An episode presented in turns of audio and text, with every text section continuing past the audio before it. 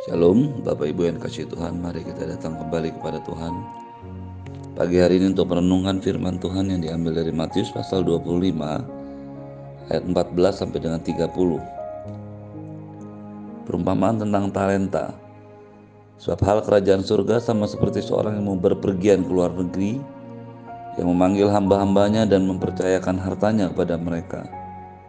Yang seorang diberikannya lima talenta, yang seorang lagi dua talenta, dan seorang lain lagi satu, masing-masing menurut kesanggupannya. Lalu ia berangkat. Segera pergilah hamba yang menerima lima talenta itu, ia menjalankan uang itu lalu beroleh laba lima talenta. Hamba yang menerima dua talenta itu berbuat demikian juga dan berlaba dua talenta. Tetapi hamba yang menerima satu talenta itu pergi dan menggali lubang di dalam tanah lalu menyembunyikan uang tuannya. Lama sesudah itu pulanglah dua pulanglah tuan hamba-hamba itu dan mengadakan perhitungan dengan mereka. Hamba yang menerima lima talenta itu datang dan membawa laba lima talenta. Katanya, Tuan, lima talenta Tuhan percayakan kepadaku. Lihat, aku terabel oleh laba lima talenta. Maka kata tuannya itu kepadanya, baik sekali perbuatanmu itu. Hai hambaku yang baik dan setia. Engkau telah setia dalam perkara kecil. Aku akan memberikan kepadamu tanggung jawab dalam perkara yang besar. Masuklah dan turutlah dalam kebahagiaan Tuhanmu.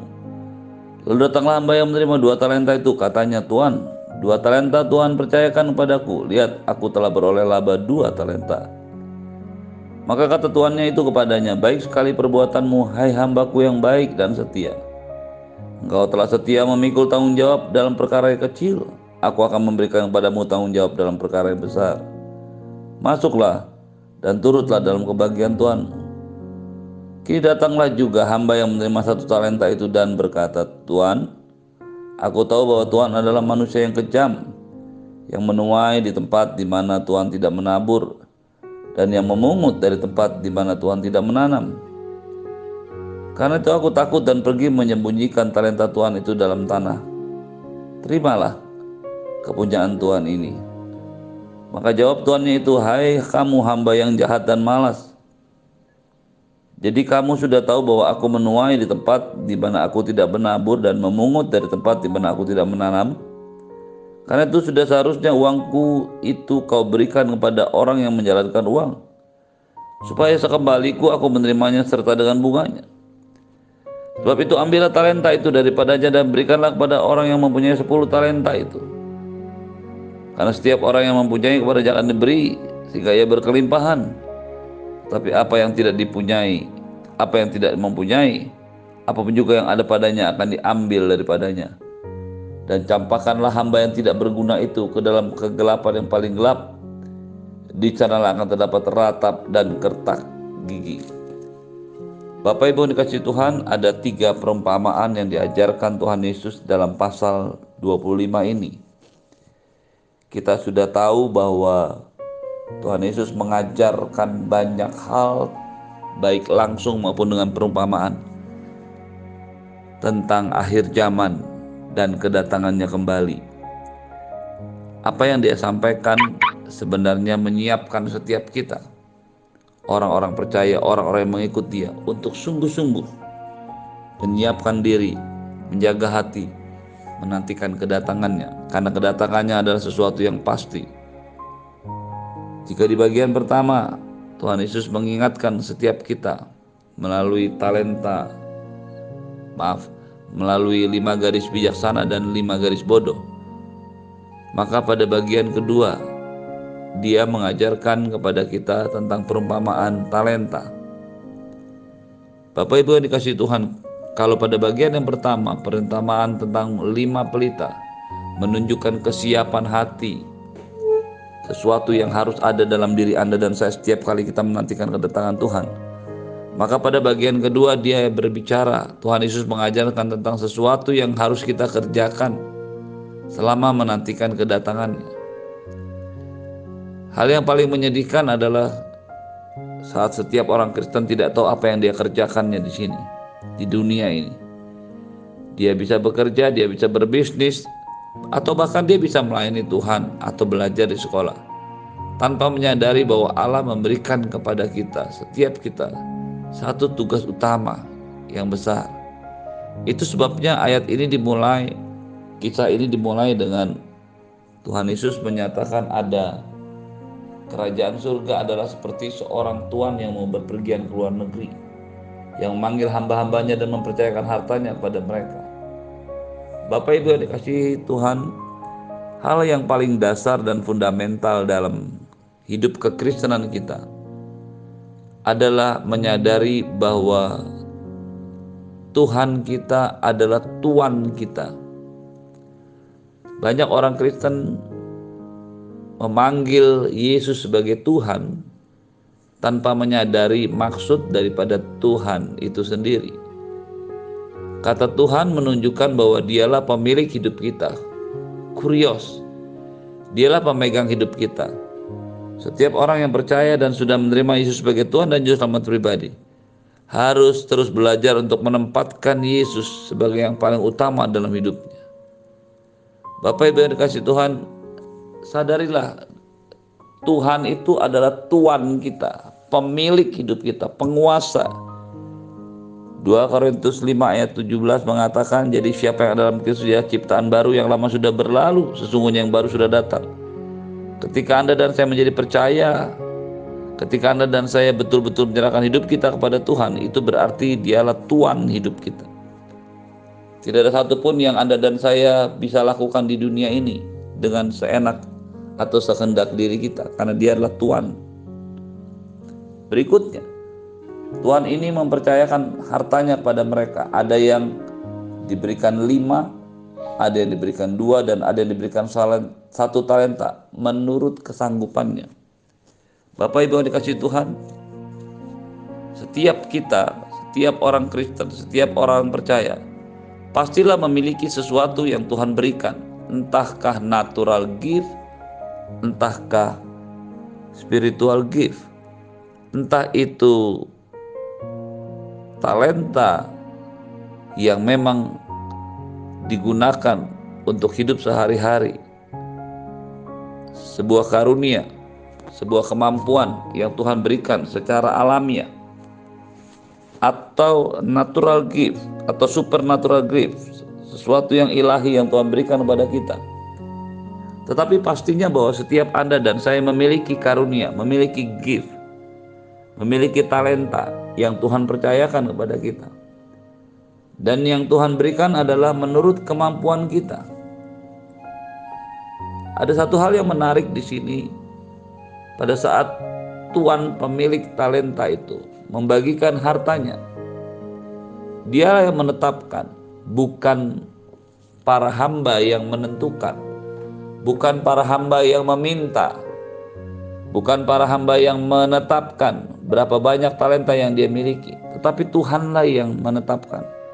Ini menjadi sebuah contoh yang sangat jelas bahwa dalam kehidupan ini Tuhan yang memberikan kepada Anda dan saya talenta demi talenta, baik kalau baik natural gift maupun spiritual gift. Kita boleh saja punya keinginan, kita boleh saja punya kehendak, kita boleh saja punya visi, kita boleh saja punya cita-cita. Tetapi setiap kita harus kembali ke dalam satu prinsip yang utama. Tuhan yang memberikan kepada kita. Tuhan yang menetapkan apa saja yang Anda dan saya punya dan miliki serta lakukan dalam hidup ini. Bagian yang ketiga, menunjukkan yang perlu dicatat adanya pertanggungjawaban. Pada akhirnya Tuhan itu akan kembali dan dia mengumpulkan para hamba-hambanya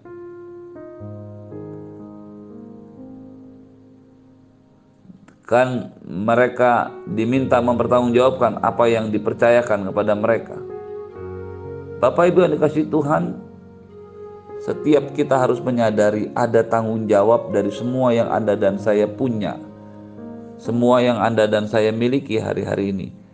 Entahkah itu kemampuan jasmani, kemampuan untuk menolong, kemampuan untuk melakukan sesuatu, memiliki jabatan atau bahkan memiliki uang semua merupakan talenta, semua merupakan sesuatu yang pemberian Allah.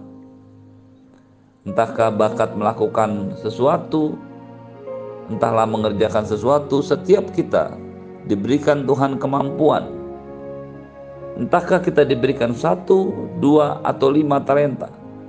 Tetapi hal ini menunjukkan bahwa setiap kita, setiap umat Tuhan, setiap orang percaya diberikan kemampuan kepada Tuhan. Diberikan karunia rohani, diberikan natural gift maupun spiritual gift. Tidak ada satu orang pun yang biarkan tidak punya apa-apa. Satu kali kita harus bertanggung semua. Bagian berikutnya yang menjadi catatan kita pagi hari ini. Dari tiga orang hamba, dua orang hamba mengerjakan, mengusahakan, memberdayakan, memanage, mengembangkan apa yang mereka miliki baik yang lima maupun yang memiliki dua talenta, segera setelah tuannya pergi, ia mulai menjalankan uang itu. Ayat 14 berkata dengan tegas, segera sepergilah hamba itu. Dia tidak menunggu waktu yang lama, dia tidak berargumentasi dan mencoba mencari-cari alasan, dia segera menjalankan uang itu. Hal ini menunjukkan kepada kita, Bapak Ibu yang dikasih Tuhan, sebuah sikap kerajinan, sebuah ketaatan yang ditunda, tunda adalah ketidaktaatan. Setiap ketaatan yang harus Anda dan saya lakukan dimulai dengan sebuah sikap hati untuk segera mengerjakannya tanpa menunda-nunda. Hamba yang baik dan setia adalah yang mengerjakan talenta dengan segera dan mendapatkan hasil sesuai yang dipercayakan. Perhatikan baik-baik reward penghargaan yang diberikan Tuhan kepada hambanya itu. Baik yang mempunyai lima talenta maupun dua talenta. Mereka yang menjalankan talenta itu. Dan mendapatkan hasil menurut kemampuan mereka. Mendapatkan lima, menghasilkan lima. Mendapatkan dua, menghasilkan dua. Perhatikan baik-baik, tidak ada perbedaan reward atau sanjungan atau pujian yang diberikan Tuhan kepada dua hamba yang mengerjakan dengan setia, baik yang lima maupun dua. Hal ini jelas menunjukkan bahwa penghargaan Tuhan kepada mereka sama karena mereka diberikan kemampuan yang berbeda. Mereka diberikan talenta sesuai dengan kesanggupan mereka. Dan ketika mereka sudah mengerjakannya, maka tuannya itu hanya mempunyai satu klasifikasi buat mereka. Engkau adalah hamba yang baik dan setia. Bapak Ibu yang dikasih Tuhan, sementara seorang hamba yang lain dia tidak melakukan apa-apa dengan talentanya.